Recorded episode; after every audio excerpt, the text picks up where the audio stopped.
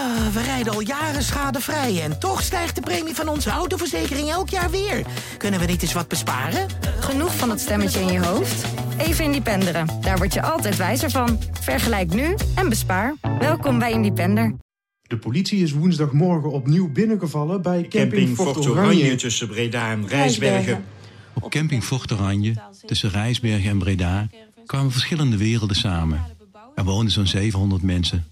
En bij de ingang stond een slagboom. Maar dat betekende niet dat het daar binnen veiliger was dan er buiten.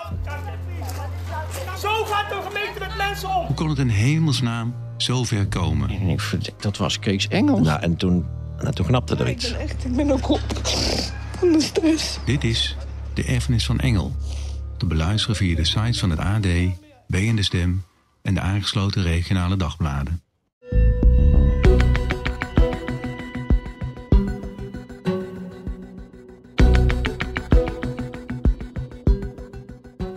Je luistert naar De Stiefmoedermoord, een podcast van het AD. In 1986 bekent de 15-jarige Samir de moord op zijn stiefmoeder. Mede op basis van deze bekentenis wordt hij veroordeeld tot een lange gevangenisstraf. Alleen, alles wijst erop dat hij onschuldig is. Maar is er genoeg bewijs om een andere dader aan te wijzen? Journalist Anders Johansen gaat op zoek naar antwoorden.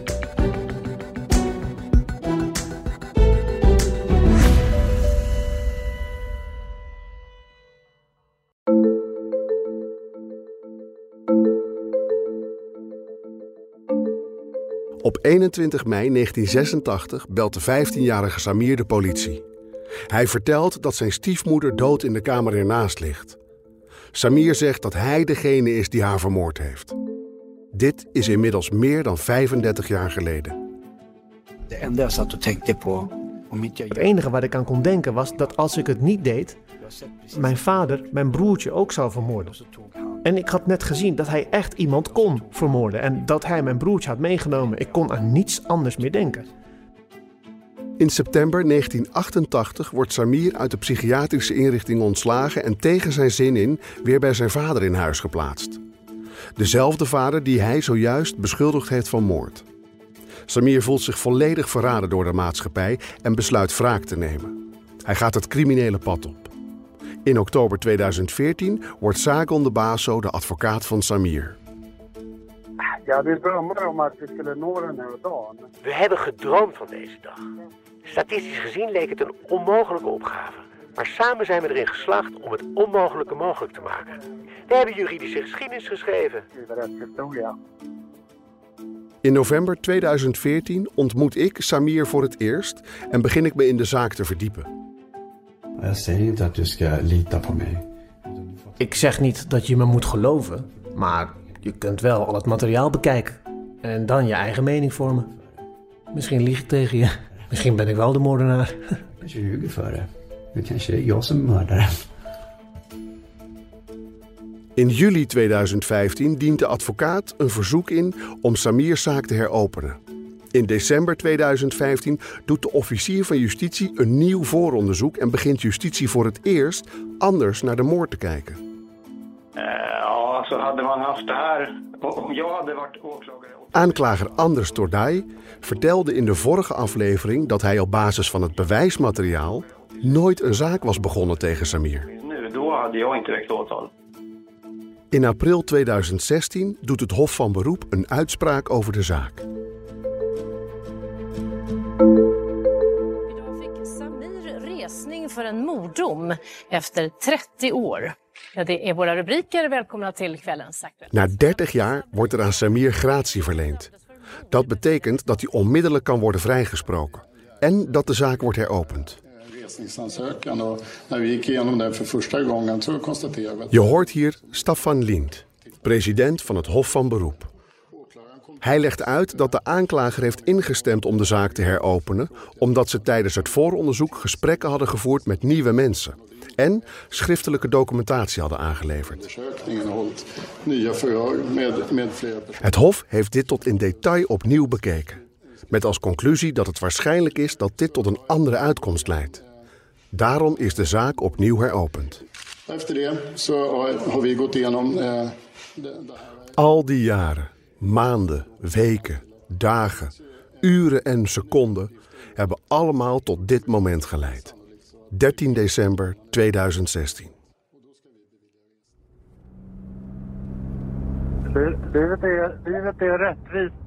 Dit voelt rechtvaardig. Ja, echt heel goed. Ik weet zeker dat er op social media net zo over gesproken wordt. Het is rechtvaardigheid in zijn puurste vorm. Heb je al een post online gezet, of niet? Nee, nog niet. Wij zijn nu onderweg met de auto naar Samir om hem de boodschap te geven.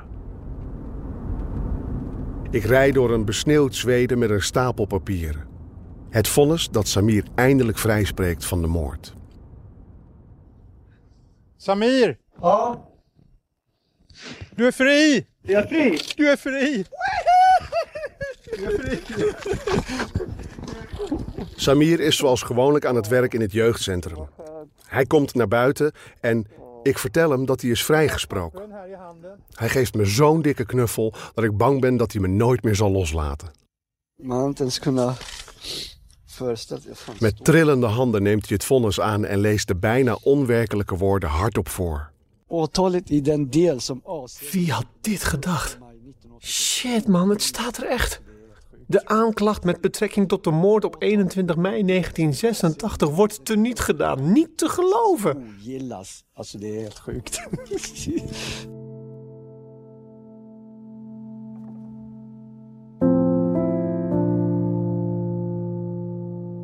Samir heeft vele malen gedacht dat het onmogelijk was om zijn gelijk te krijgen. Maar deze mededeling vanuit het Hof van Beroep bewijst dat het goed is dat hij heeft volgehouden. Maar het is niet makkelijk geweest. Toen hij ruim 35 jaar geleden de schuld op zich nam voor de moord, had hij geen enkel idee welke gevolgen dat zou hebben voor de rest van zijn leven. Jag tror inte man tänker så pass långt. Och jag tror inte ens man tänker... Ik denk niet dat je zo ver vooruit kunt denken. En ik denk zelfs niet dat je nadenkt over wat de gevolgen kunnen zijn als je een moord ziet. Of als je, zoals ik, de schuld krijgt voor iets wat je niet hebt gedaan. Ik voelde gewoon dat ik de schuld op mij moest nemen. En daarna zou ik mijn normale leven weer oppakken. Ik had geen idee dat het mijn hele leven zou beïnvloeden. Ik heb wel. Ja, het heeft. De, er was een kleine jongen die. Ik, ik weet niet hoe ik het moet uitleggen. Het, het voelde alsof mijn hele jeugd van me was afgenomen. Zo'n beetje mijn hele leven. Ik leefde in een soort bubbel. In een valse wereld waar ik bang was. Liksom varit rädd. In eerste instantie bekent Samir de moord. Maar na ruim een jaar trekt hij zijn bekentenis in en vertelt hij wie het echt heeft gedaan. Het onderzoek wordt heropend, maar niemand gelooft hem. Het vonnis blijft staan. Han fick inte en chans. Het directe gevolg van dat vonnis is dat hij niet de kans kreeg om op een normale manier op te groeien tot een volwassen, goed functionerende burger. Je hoort hier weer zijn advocaat Sargon de Baso. Als je een 15-jarige jongen beschuldigt van moord op zijn stiefmoeder, hem opsluit in een psychiatrische kliniek en hem vervolgens de rug toekeert, hoe hard hij ook schreeuwde, niemand wilde naar hem luisteren. Je geeft hem daarmee de boodschap dat de maatschappij tegen je is. Je kan er niet verwachten dat die persoon daarna nog op een normale manier gaat deelnemen aan de maatschappij. Uiteindelijk heeft Samir zijn gelijk gekregen. En zijn vriendin Katja heeft hem daar altijd in gesteund. Jag och Samir bostadsområde. Samir en ik woonden in dezelfde buurt en we gingen naar dezelfde school. Alle jongeren in die buurt, ja, die kenden elkaar. Ik wist wie Samir was. Nou, iedereen wist wie Samir was. Ik weet dat ik ehm, in groep 7 zat en hij in groep 9. En dat was ook het jaar van die moord. Dus ik weet het nog. Ik weet nog dat het nieuws van de moord zich direct verspreidde. Dus diezelfde dag wist ik er ook van. Mensen begonnen te praten over Samir, dat hij zijn moeder had vermoord, omdat hij zijn brommer niet thuis mocht hebben staan. Iedereen had het erover. En ik weet niet ehm, of ik het direct hoorde of pas een tijdje daarna, maar er was ook sprake van dat hij het niet was. Nou ja, ik, ik, weet het niet meer zo goed, het is zo te lang geleden. Dagen Het moment dat ik echt een klik voelde met Samir was op het verjaardagsfeestje van een vriend. We waren uit in een club en het klikte echt op de dansvloer die avond.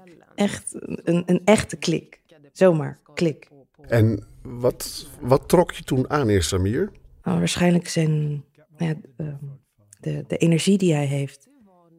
Hij is altijd zo blij en vol energie. Ja, dat, dat voel je meteen als je bij hem in de buurt bent. Det händer liksom alltid någonting runt omkring honom. Samir wist natuurlijk dat hij als moordenaar werd bestempeld. Toen hij en Katja voor het eerst samen afspraken, zaten ze in Chaplin's Bar in Kungshalmen. Hij was toen 21 en zij 20. Hij wist dat ook zij had gehoord over de moord. Hij besloot meteen om haar zijn verhaal te vertellen. Als ik me goed herinner, wilde Samir er vooral zelf over praten. Want ja, ik- ik kan me niet voorstellen dat ik hem er naar vroeg. In mijn wereld was hij geen moordenaar. Ik wist dat gewoon op de een of andere manier. Hij vertelde me dus wat er gebeurd was. Ehm, gewoon meteen het echte verhaal op onze eerste date. En ik weet nog, ik had gewoon geen twijfel. Voor mij had hij het niet gedaan. Eh, na die date reden we naar huis en hadden het er weer over. Het was toen alsof we nog een keer concludeerden dat hij het echt niet had gedaan. Het voelde ook ehm, bijna alsof er verder niets meer over te zeggen was. We hoefden er niet meer aan te twijfelen. Ik hoef er niet meer aan te twijfelen. En daarna begonnen we vaker uit te gaan. En in mijn ogen was hij gewoon nooit een moordenaar. Helemaal nooit. Det har han aldrig varit. Katja heeft met eigen ogen gezien welke impact de onterechte veroordeling had op Samir. Det var ju solklart att det var hat mot samhället. Det gick Samir haatte de maatschappij. Dat was duidelijk. Het was een haat tegen het hele rechtssysteem. De politie en iedereen die verantwoordelijk was voor alles waar hij als kind aan was blootgesteld. De weeshuizen, de veroordeling voor moord, volwassenen die hij niet kon vertrouwen. En daar hebben we vandaag het bewijs van. Volwassen mensen zijn verantwoordelijk voor deze situatie. Och det var väl något sätt för honom Het was echt stressvol om Samir zo te zien. Ja, hij voelde zich een mislukkeling en haatte alles en iedereen. Ik denk dat het voor hem ook een manier was om alle misdaden en alle dingen die hij gedaan heeft te rechtvaardigen. Hij ontwikkelde vrij jong al een criminele levensstijl. En als je daar eenmaal terechtkomt, ja, dan is het ook moeilijk om eruit te stappen. Då är det ju också svårt att backa från den livsstilen. Als crimineel kon Samir zijn masker makkelijk ophouden. In het begin was het erg spannend. Er gebeurde altijd wel iets.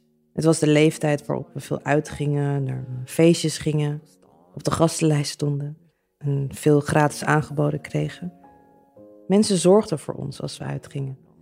Ik realiseerde me dat Samir veel mensen kende en dat mensen graag bij hem wilden zijn. Ik was daarvan onder de indruk. In het begin dan. Later vond ik het niet meer zo interessant. Op een gegeven moment begon ik te merken dat dit leven niet gezond was. We kregen kinderen toen ik 27 was. Ik, ik begon me toen echt te realiseren dat dit leven waarschijnlijk niet goed was. Dat er veel negatieve kanten zaten aan de levensstijl die we hadden. Alleen thuis kon Samir helemaal zichzelf zijn en zijn masker afzetten. Är klart att Samir var väldigt... Nu. In die tijd was hij vaak erg verdrietig. Als hij zich echt slecht voelde, dan kon hij huilen als een klein kind. En dan moest je hem troosten, alsof hij een kind was. Maar ik denk ook dat hij veel van zijn emoties heeft verdrongen door lange tijd drugs te gebruiken. Om zo aan zijn gevoelens te ontsnappen. Hij is ook van huis weggelopen, dus dat is ook moeilijk geweest. En hij heeft zelf gezegd dat hij het moeilijk vond om thuis bij zijn familie te zijn. Ik denk dat alle destructieve dingen in zijn leven, al het misbruik, eh, drugs, gokken eh, en misbruik van andere mensen, mensen gebruiken om misdaden te plegen of hen juist te betrekken bij criminele activiteiten. Je maakt gewoon misbruik van je positie. Ja, en dat deed hij. Man missbrukar sin makt helt enkelt. Så det har han ju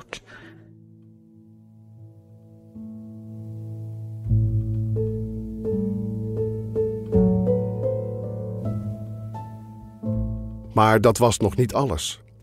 Zelfs Katja wist niet van alle donkere gedachten die Samir had. Toen hij in 2007 voor het laatst veroordeeld werd, zat hij op een emotioneel dieptepunt. Hij had eerder geprobeerd zijn zaak weer nieuw leven in te blazen, maar niemand wilde naar hem luisteren. Vanuit de gevangenis schreef hij brieven aan bekende thrillerschrijvers als een laatste wanhooppoging om hulp te krijgen. Det var. Ja, jag fick tillbaka känslorna. Het waren afscheidsbrieven. Ik wilde gewoon weg, ik wilde verdwijnen. Ik had besloten dat ik zelfmoord ging plegen. En dat is niet iets dat je even rustig overdenkt. Ik dacht, nu is het voorbij. Er is gewoon geen weg meer terug. Ik, ik herinner me dat ik toen zo verdrietig was dat ik huilde. Er zaten zelfs tranen op het papier die ik weg moest vegen. Ik weet dat het druppelde en ik dacht, ik kan gewoon niet geloven dat het zo gaat eindigen. Het voelde alsof ik alles had geprobeerd. Alles. Maar niemand luisterde naar me. En ergens kom je dan op een punt waar het gewoon. Ja, waar je, waarop je het op wilt geven. Als we ook nog zoveel geld krijgen, ik zou niet meer gelukkig kunnen zijn. Het leven had voor mij geen zin meer. Heb je je ook bedacht hoe je het zou doen? Ja, dat is niet zo moeilijk. Een eerdere keer wilde ik mezelf neerschieten, maar nu had ik geen pistool. Maar ik had veel ideeën en gedachten, dus het zou geen probleem zijn. Dus je was al zover dat je een manier had gevonden om het te doen? Ja. Het is niet moeilijk. Je zit met lakens en dat soort dingen, dus... Lakan och, och sådana här saker. Så att det, Hij kreeg nooit antwoord op zijn brieven. Toen Katja en zijn zoontje Philip een keer op bezoek kwamen, besloot hij dat het waarschijnlijk de laatste keer was dat ze elkaar zouden zien. Och där hände det någonting med, med mig när jag ser Filip framför Er gebeurde iets met me toen ik Philip daar voor me zag. Ik bedacht me dat het niet juist was dat ik zelfmoord pleegde en daarmee zijn vader van hem afnam.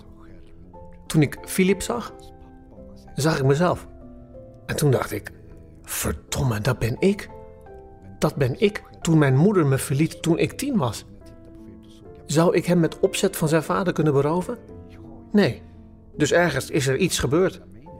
Die keer dat we in de bezoekkamer zaten en toen ik daar wegliep, dacht ik: verdomme, nee. Ik krijg mijn leven terug. En dat kwam toen eigenlijk uit. ta tillbaka livet. Det var när de kom dit faktiskt. Dat was het keerpunt.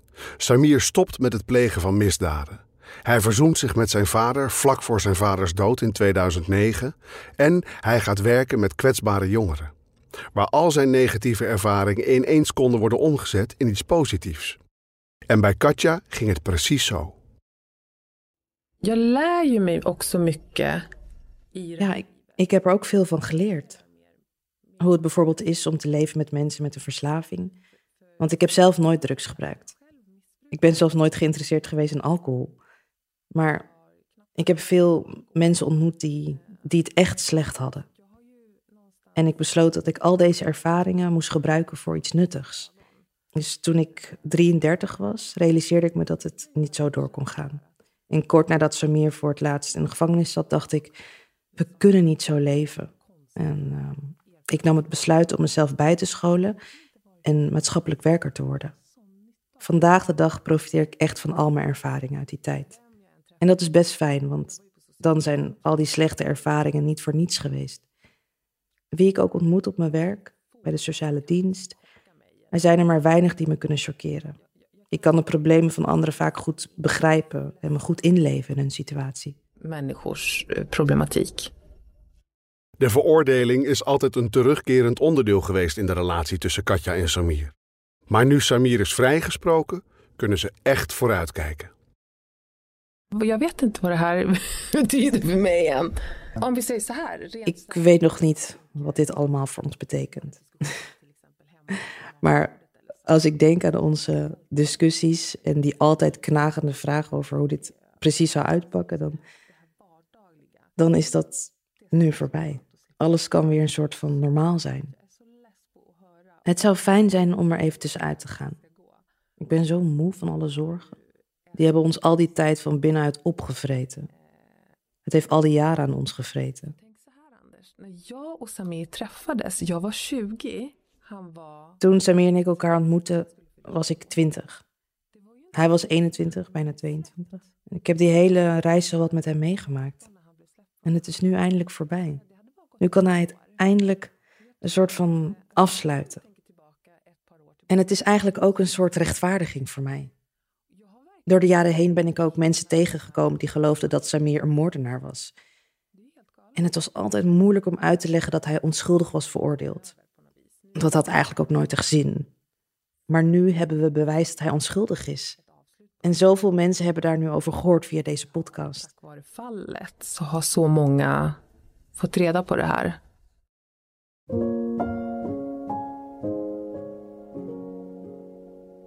De volgende stap is het aanvragen van een schadevergoeding. Maar geld is nooit een drijfveer voor Samir geweest. Voor hem telt enkel de erkenning dat de maatschappij iets verkeerd heeft gedaan. En dat hij nu vrijgesproken is. Oh.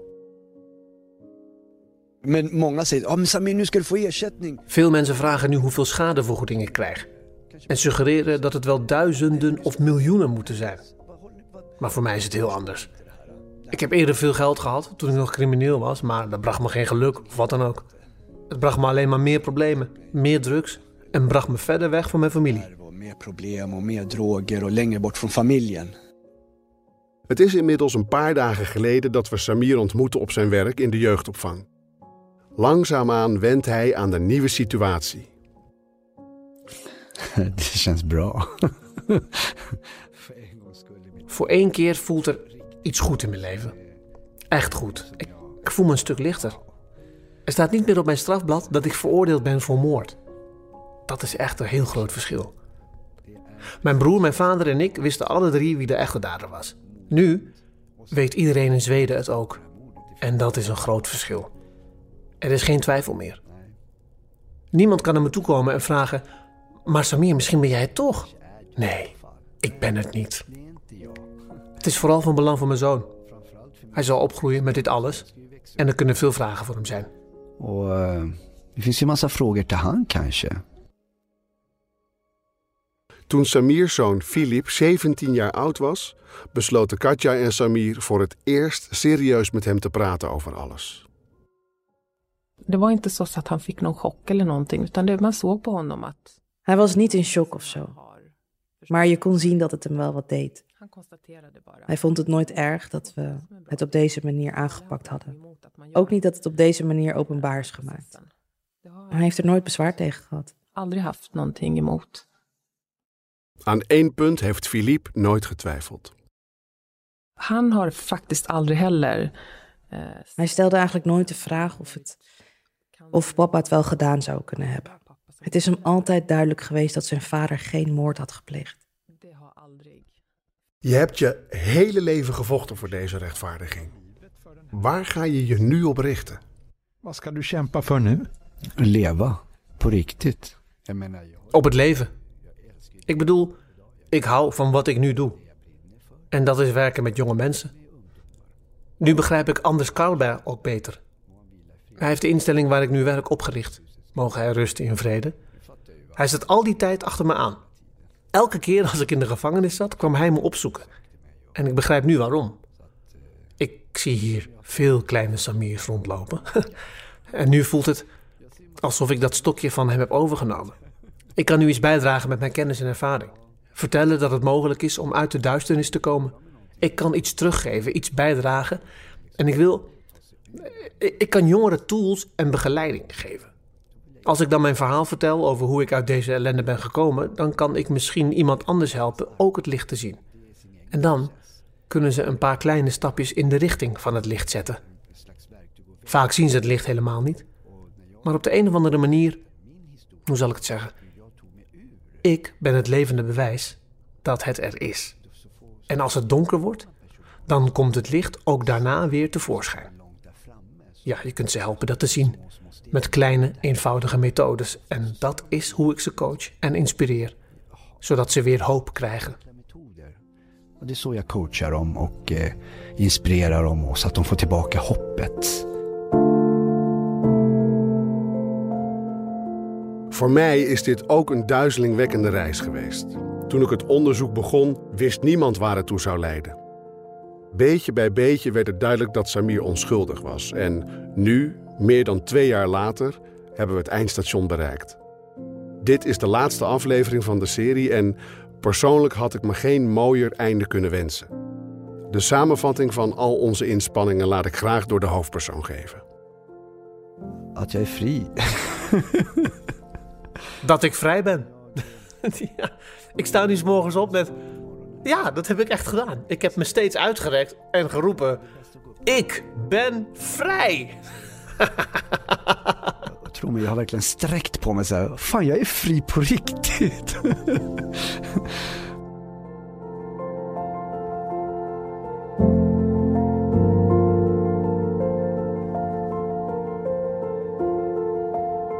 Dit was de laatste aflevering van de Stiefmoedermoord. Wil je verder luisteren? Kijk dan eens naar de andere podcasts van het AD. Je vindt ze allemaal op ad.nl/podcast.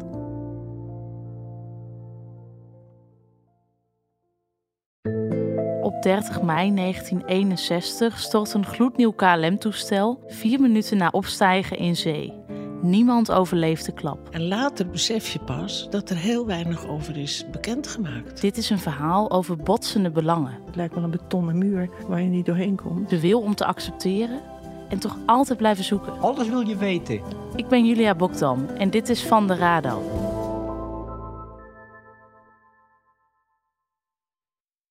Ehm, past onze autoverzekering straks nog wel bij de nieuwe auto die we gaan kopen? Of kunnen we met overstappen flink besparen? Genoeg van het stemmetje in je hoofd? Even Independeren. Daar word je altijd wijzer van. Vergelijk nu en bespaar. Welkom bij Independer.